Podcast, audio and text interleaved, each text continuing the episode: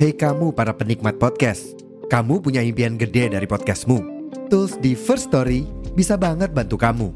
Mulai dari F-Link, Dynamic Audio Insertion, sampai statistik yang komprehensif, semua ada di First Story. Gak ketinggalan, kamu bisa monetisasi podcastmu lewat iklan dari First Story Ads yang bisa kasih kamu penghasilan dari setiap place podcastmu. Yuk gabung sekarang dengan klik di firststory.me. Sekali lagi, di firststory.me. Mari kita bawa mimpi podcastingmu menjadi kenyataan.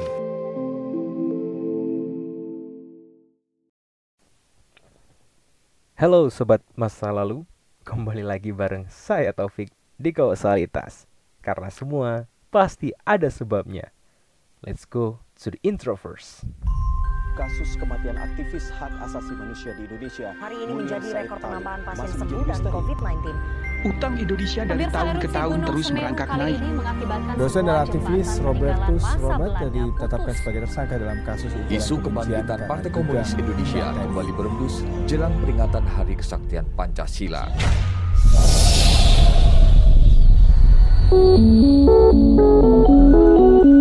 Di kesempatan kali ini kita bakal ngebahas mengenai pemilu ya. Pemilihan umum dong pastinya. Jadi kalau pemilihan umum itu memang fokusnya pada presiden ya. Kalau pemilihan mungkin ada nanti pilkada, pilbub dan lain-lainnya. Gimana kemarin? Udah pada milih kan? Nggak golput dong. Rugi dong kalau golput. Kan cuma satu kali dalam lima tahun. Jadi ya sayang kalau misalkan dilewatkan. Pada punya pilihan dong. Semoga pilihan kalian tetap yang terbaik. Sedikit ngulik pemilu tahun 2024 yang barusan berlangsung ya. Jadi pemilu ini itu adalah pemilihan at- tentang pemilu yang dilaksanakan lima tahun sebelumnya sama kayak tahun-tahun sebelumnya. Yang mana pemilu ini adalah memilih presiden dan legislatif, DPR, DPRD dan DPD gitu. Semuanya sudah berlangsung dengan aman. Alhamdulillahirobbil alamin.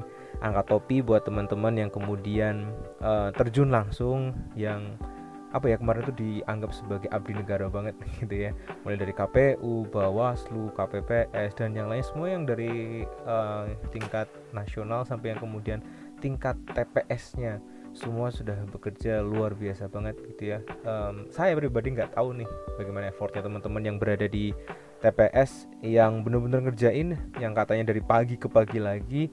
Semoga semuanya tetap sehat ya, nggak kurang suatu apa pun. Dan terima kasih banget karena pengorbanan tersebut eh, membuat bangsa kita tetap melaksanakan eh, produk pemilu ya kan? Itu adalah produk dari demokrasi dan terus berlangsung sampai sekarang. Namun demikian kayaknya nggak seru dong kalau nggak ada perdebatan alias konflik-konflik yang muncul. Ya begitulah kali ya gambaran di Indonesia. Kalau nggak ada konflik kayaknya nggak seru nggak sih tapi kita tetap harus jaga perdamaian lah di mana pun berada gitu kan. Em, wajar aja karena sebenarnya kalau misalkan beda pilihan kan wajar ya mau milih yang siapa siapa dan siapa itu adalah setiap hak warga negara dan itu dilindungi gitu kan. Kita mau pilih siapa pun itu adalah hak kita. Tapi yang jelas di sini terkadang setiap orang ketika sudah apa ya orang Indonesia tuh kayak gitu kali ya. Memang setelah terjadinya pemilu ya kayak baper ke bawah sampai sampai ke akar-akarnya yang mana nganggap semuanya tuh selalu benar pa- pasangan calon ini selalu benar pasangan calon itu selalu benar ini yang salah ini yang keliru kalau nggak milih ini kayak gimana kalau nggak milih kayak gitu kayak gimana. Ya memang itu adalah sudah jadi hal yang biasa. Dan pemilu tahun 2024 ini adalah pemilu yang katanya kurang demokratis. Bahkan bisa dikatakan sebagai pemilu yang terburuk sepanjang masa karena banyaknya kecurangan-kecurangan yang muncul. Kayaknya wah kalau nonton berita tuh isinya adalah tentang kecurangan ini kecurangan itu ada salah hitung ada salah input apa segala macam kayak gitu. Tapi yang harus dipastikan sekarang adalah sabar dulu deh bos. Sabar sabar semuanya oh, jangan keburu pesta-pesta dulu jangan keburu bilang curang-curang dulu lihatlah nanti kemudian hasil akhirnya akan seperti apa. Ini kalau podcast ini nanti keluar eh, pas eh, rekap dari KPU keluar juga nggak ya? Nggak tahu. Yang penting adalah tetap jaga persatuan dan kesatuan kita. Iya dong yang bawahnya aja ayam-ayam aja gitu. Rakyat biasanya itu ayam-ayam aja gitu. Tapi kok kenapa yang di atasnya pada ribut-ribut kayak gitu ya? Harusnya kan bisa ngelihat yang di bawahnya kayak santai aja atau jangan-jangan ada something yang tidak bisa dijelaskan secara secara merakyat gitu. Ya hanya orang-orang politik aja yang tahu. Saya nggak mau ikut campur nggak mau terlibat terlalu jauh ngomongin kayak gitulah. Fokus aja sama kata-kata Profesor Mahfud MD idola saya. Pihak yang kalah itu akan selalu menuduh yang menang. Yaitu curang curang dan curang. Iya kayak gitu ya saya pegangan aja sama Prof. Mahfud MD ini adalah orang yang benar-benar lurus yang orang benar-benar apa ya bisa dikatakan A ya A B ya B ya sudah. Sah-sah saja jika kita tuh uh, berkata bahwa oh itu curang. Oh ini benar dan yang lainnya. Silakan kan semuanya punya mekanisme tersendiri yang kemudian bisa di uh, apa ya dimunculkan atau dibuktikan pada persidangan-persidangan yang kemudian akan dilalui dari si pihak yang melaporkannya so tetap calm lah ya tetap santai Terlepas dari hiruk pikuk politik dan pemilu tahun 2024, Indonesia pernah melaksanakan sebuah pemilu juga sebenarnya. Jadi pemilu yang terjadi di tahun 2024 ini bukan pemilu pertama gitu ya. Jadi pemilu-pemilu yang sudah-sudah itu sebenarnya ada embrionya. Nah, embrionya itu adalah pertama kali pemilu ini dilaksanakan di tahun 1955, teman-teman. Ya. Jadi tahun 1955 ini dikatakan kalau tadi kan katanya nggak demokratis gitu ya. Di tahun 1955 ini katanya pemilunya paling demokratis sepanjang masa. Hmm, sepanjang masa nggak tuh? Kenapa bisa demikian? Mari kita cari tahu penyebabnya. Sekitar 10 tahun setelah Republik Indonesia diproklamasikan bangsa Indonesia ini menggelar pemilihan umum perdana pada 29 September 1955 pemilu 55 sendiri dilakukan dalam dua tahap yakni memilih anggota DPR yang digelar pada tanggal 29 September 1955 dan memilih anggota konstituante yang digelar pada 15 Desember 1955. Um, sebenarnya pemilu pertama sedianya akan dilaksanakan atau digelar di tahun 1946 teman-teman awalnya. Tapi itu belum bisa terlaksana karena pemilihan tersebut kepentok beberapa hal salah satunya adalah bagaimana ketika itu Indonesia masih ber ber apa ya berkutat dengan mempertahankan kekuasaannya baik dari luar yang Belanda mencoba ingin masuk kembali sampai kemudian disintegrasi di dalam bangsa Indonesia itu sendiri yang membuat pemilu ini akhirnya belum bisa dilaksanakan seperti itu. Namun pemilu ini bisa dilaksanakan di tahun 1955 Kala itu Perdana Menterinya adalah Burhanuddin Harahap. Ya, cita-citanya 46 baru terlaksana 1955. Panjang banget menunggu masa bagaimana kemudian rakyat bisa memilih pilihannya sendiri. Sekarang lima tahun sekali, rasa-rasanya udah begitu singkat gitu ya, bisa langsung milih, milih dan milih tanpa harus memikirkan banyak hal mengenai keamanan negara ada beberapa argumen yang menjelaskan sebenarnya teman-teman yang menganggap bahwa pemilu ini paling demokratis atau pemilu tahun 1955 ini paling demokratis gitu ya. Yang paling utama adalah kondisi negara Indonesia sendiri. Pada pelaksanaan pemilu 55, Indonesia masih belum bisa dibilang baik-baik aja. Dalam hal ini, pergolakan yang timbul dari luar maupun dari dalam, salah satu hal itu kenapa pemilu awal ini uh, mengalami pengunduran ya tadi yang saya sebutkan di awal adalah kemudian rongrongan bangsa barat atau bangsa Eropa yaitu Belanda yang ingin mencoba lagi merangsak masuk menguasai wilayah Nusantara, wilayah Indonesia dan ada di dalam sendiri itu kemudian pemberontakan-pemberontakan yang muncul yang kemudian ingin merubah ideologi-ideologi negara yang tidak percaya dengan pemerintahan-pemerintahan yang uh, bertengger pada masa itu. Pemilu, uh, pemilu ini berlangsung begitu damai dan aman. Hal ini dibuktikan dengan tingkat masyarakat yang menggunakan hak pilihnya sekitar 84%. Jadi teman-teman, walaupun walaupun situasinya pada saat itu belum baik-baik saja dalam artian adalah keamanan negaranya belum baik-baik saja, tapi partisipasi aktif dari masyarakatnya itu 84%. Tinggi banget waktu itu uh, dibilang sangat tinggi karena memang 84% ini adalah salah satu angka capaian tertinggi yang pernah dialami oleh pemilu di Indonesia. Itu kata para pakar ya. Hal ini menunjukkan bahwa faktor keamanan dan pergolakan yang terjadi pada saat itu uh, tidak menyurutkan dan tidak menjadi permasalahan bagi bangsa Indonesia. Ya Indonesia. Orang-orang Indonesia mah pokoknya langsung maju aja lah pokoknya nggak usah mikirin lagi ngapain lagi ngapain gitu ya. Pokoknya uh, kalau misalkan ada hal-hal yang berkaitan dengan semangat kolektif orang-orang Indonesia paling jago pokoknya. Nah, selanjutnya ada jumlah partai politik yang pada waktu itu ikut serta dalam pemilu. Ini merupakan menjadi uh, ini menjadi salah satu indikator bagaimana kemudian pemilu tahun 1955 ini dianggap sebagai pemilu paling demokratis. Dalam buku Naskah Sumber Arsip Jejak Demokrasi Pemilu 1955 yang diterbitkan tahun 2019 disebutkan pemilihan legislatif tahun 55 diikuti oleh 36 partai politik, 34 organisasi massa dan 48 calon perorangan. Nah, kok ada calon perorangan? Ya, oke, okay. tenang, sabar dulu nanti kita bahas. Sementara pemilihan anggota konstituan tadi diikuti oleh 39 partai politik, 23 organisasi massa dan 29 calon perseorangan. By the way teman-teman, tahu nggak sebenarnya pada awal kemerdekaan Soekarno pada waktu itu tuh menghendaki adanya partai tunggal. Apa aja partainya nggak usah banyak-banyak. Yaitu adalah PNI, Partai Nasional Indonesia. Namun demikian hal tersebut ditentang oleh salah satu um, ya pro, uh, orang yang waktu itu menjadi satu juga di pemerintahan, yaitu adalah Syahrir. Selanjutnya mereka membuat sebuah petisi dan petisi tersebut disampaikan dan diterima oleh Muhammad Hatta dan pada akhirnya Hatta mengeluarkan maklumat tertanggal 3 November 1945. Maklumat ini berisi tentang keputusan pemerintah yang memberi kesepakatan sebesar memberi kesempatan sebesar-besarnya kepada rakyat untuk mendirikan partai politik tanpa batasan jumlah. Setelahnya, partai-partai seperti Masyumi, PNI, PSI hingga PKI terbentuk yang mana beberapa partai ini yang akan berkontestasi dalam pemilu tahun 1955. Pemilu 55 digelar dalam naungan Undang-Undang Nomor 7 Tahun 1953 yang disebut Imajinasi Ultra Demokrasi. Undang-undang ini memfasilitasi pencalonan bisa melalui partai organisasi, perkumpulan pemilih, dan perseorangan sebagai calon anggota DPR dan konstituante. Tuh, perseorangan bisa. Kalau sekarang kan kayaknya nggak bisa gitu ya. Harus ikut partai dulu, kemudian baru calonin. ya kalau duitnya cukup. kalau belum cukup kayaknya enggak deh. Oh enggak deh. Ada juga yang berdasarkan dari elektabilitas. Tentu partai juga punya kekuatan seperti itu. Orang mana yang kemudian punya elektabilitas dia yang akan langsung diajukan untuk jadi calon legislatif ataupun bersaing di tingkat eksekutif. Iya dong. Iya, masa enggak sih?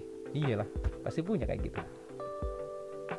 Nah, pemilu tahun 1955 ini dikenal sebagai pemilu pertama yang demokratis memberikan peluang bagi pemilih untuk menggunakan metode menulis dalam memberikan pilihan politiknya. Jadi teman-teman kalau misalkan sekarang kita tahu milih calon presiden dan milih anggota legislatif itu dengan cara mencoblos, kalau dulu juga ada nih cara lain yaitu dengan cara menulis.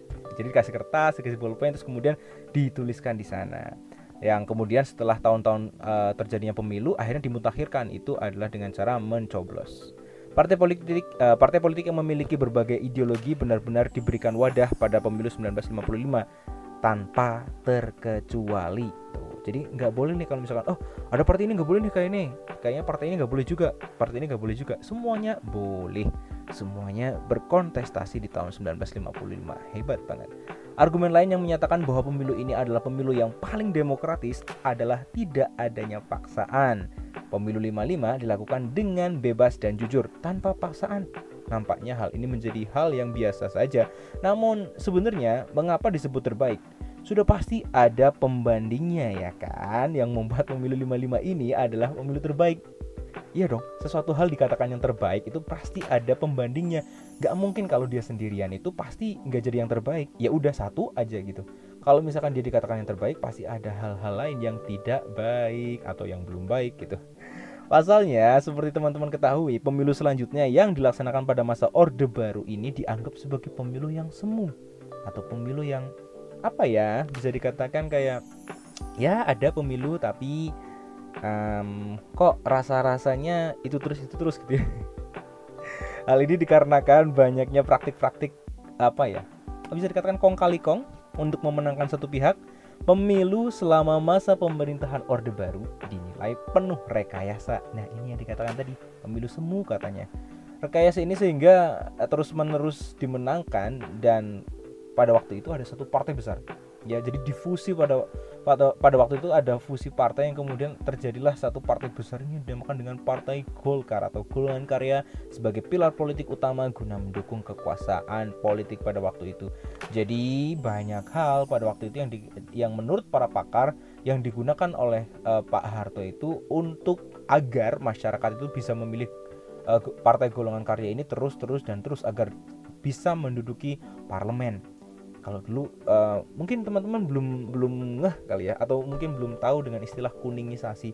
Mungkin teman-teman bisa bisa tanya ke mbahnya atau ke eyangnya atau ke orang tuanya mungkin ya karena tahu. Karena kenapa dinamakan dengan kuningisasi? Kuningisasi itu ya maksudnya dari ada yang berkata bahwa uh, itu di, di, diambil dari partai Golkar yang kemudian uh, latar benderanya itu berwarna kuning. Jadi siapa pun yang kemudian orang yang terafiliasi dalam pegawai negeri orang yang terafiliasi guru dan yang lainnya ataupun uh, pejabat seperti di bidang militer dan yang lainnya itu ya sudah pasti akan memilih Golkar dan sudah pasti akan memilih Pak Harto seperti itu. Jadi ya ya udah beliau lagi beliau lagi. Maka kemudian pemimpinnya adalah Pak Harto terus dan dia memegang tampuk kekuasaan selama 32 tahun.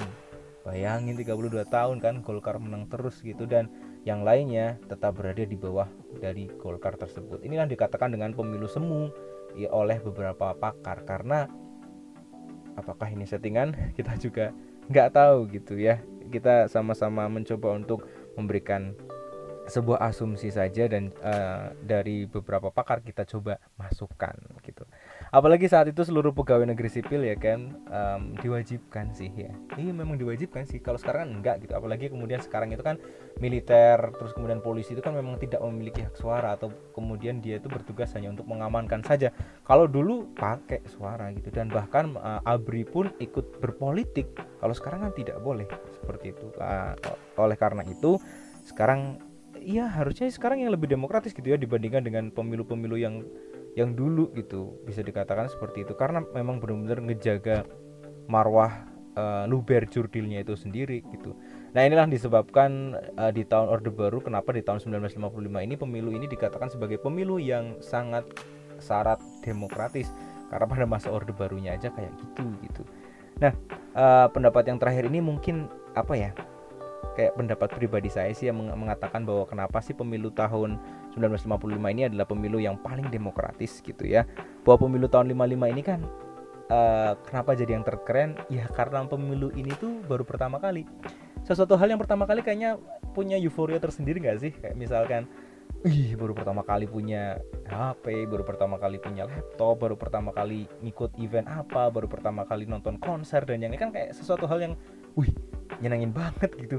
Kayaknya kayak gini lagi asik sih. Kayak, kayak gini lagi seru sih kayak gitu. Jadi segala sesuatu hal yang dikatakan dengan pengalaman pertama itu selalu menyenangkan gitu. Apalagi kemudian eh di dalam demokrasi tersebut kita kan milih langsung gitu. Calonnya itu siapa? Apalagi kemudian saya mencalonkan diri saya sendiri. Karena kan boleh sebagai pribadi atau individu boleh maju pada waktu tahun 55 itu ataupun kemudian saya bisa melihat bahwa oh ini teman saya yang maju ayolah kita kita pilih teman saya agar dia tuh bisa memberikan sumbang sih yang yang besar juga kepada negara kita seperti itu. Jadi karena memang baru pertama jadi euforia ini memang sangat tinggi. Terus pertanyaannya adalah kenapa sekarang lebih menurun gitu? Saya nggak tahu harusnya semakin ke sini uh, partisipasinya semakin tinggi gitu. Tapi kenapa kok kemudian oke mungkin partisipasi tinggi gitu ya. Tapi angka angka beberapa kali kemudian dikatakan oleh uh, beberapa pakar golput juga ada gitu ya. Apa yang menyebabkan keterpilihannya itu 84% itu tinggi dan mereka tuh benar-benar milih gitu bukannya kemudian bingung golput dan yang lainnya kita juga nggak ngerti karena masalah apa karena faktor-faktor apa. Tapi yang jelas ini adalah asumsi pribadi saya bahwa karena memang per, baru pertama kali jadi kayaknya seru aja gitu loh untuk melaksanakan uh, pemilu atau pemilihan umum yang pada waktu itu belum ada sama sekali yang dijanjikan tahun 46 ternyata baru terlaksana tahun 1955 seperti itu. Nah, pertanyaannya adalah kalian boleh deh yang ikut ngebahas gitu ya. Apakah sekarang pemilu sekarang itu tidak demokratis gitu ya? Apakah pemilu sekarang itu penuh settingan seperti pada masa uh, pada masa Orde Baru gitu? Um, nanti kita bikin bahasan khusus deh tentang mungkin tentang reformasi, mungkin tentang Orde Baru gitu. Tapi yang jelas adalah demokrasi itu kembali lagi ke pernyataannya gitu bahwa demokrasi adalah kedaulatan rakyat untuk rakyat dari rakyat dan oleh rakyat Maksudnya apa di sini? Maksudnya di sini adalah setiap kekuasaan, uh, sorry, kekuasaan tertinggi pada negara demokrasi itu adalah kekuasaan milik rakyat. Ada guyon-guyon sih. Wakil bupati, sam, kalau wakilnya dibuang kan jadi bupati. Standarnya tinggi dong, tinggi. Wakil gubernur, kalau wakilnya dibuang jadinya gubernur. Tinggi dong tinggi memimpin sebuah provinsi ya kan? Wakil presiden kalau wakilnya dibuang jadi presiden. Ya kan? Yang megang sebuah negara simbol negara gitu kan?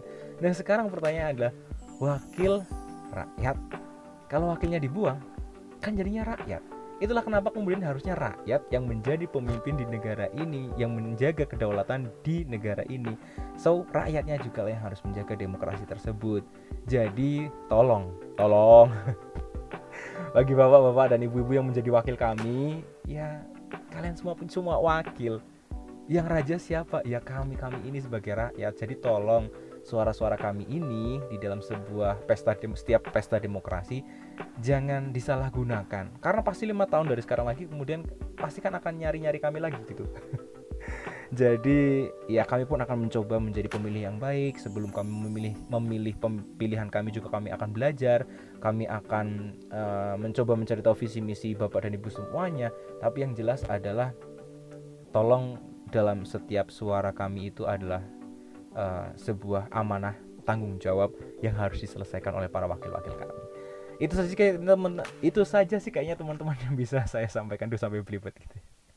Yang bisa saya sampaikan mengenai kenapa pemilu 1955 ini pemilu yang sangat demokratis ya karena itu tadi gitu ya.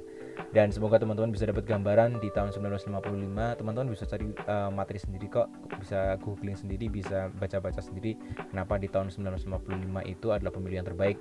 Inilah versi dari podcast Syari Indonesia inilah versi dari kausalitas segmentasi di podcast Syari Indonesia. Kalau misalkan teman-teman suka silakan komen dan share uh, podcast ini. Dan kalau misalkan merasa ini perlu untuk dijadikan sebuah pembelajaran save aja gitu ya. Dan uh, terima kasih atensinya teman-teman sampai kesempatan kali ini. Semoga kita bisa bertemu di kesempatan-kesempatan lainnya. Terima kasih untuk selalu mendengarkan podcast dari Indonesia. Saya Taufik Harpan Aldila pamit undur diri. Tetap dengerin kausalitas tetap dengarkan podcast secara Indonesia. Selamat jumpa lagi. Assalamualaikum warahmatullahi wabarakatuh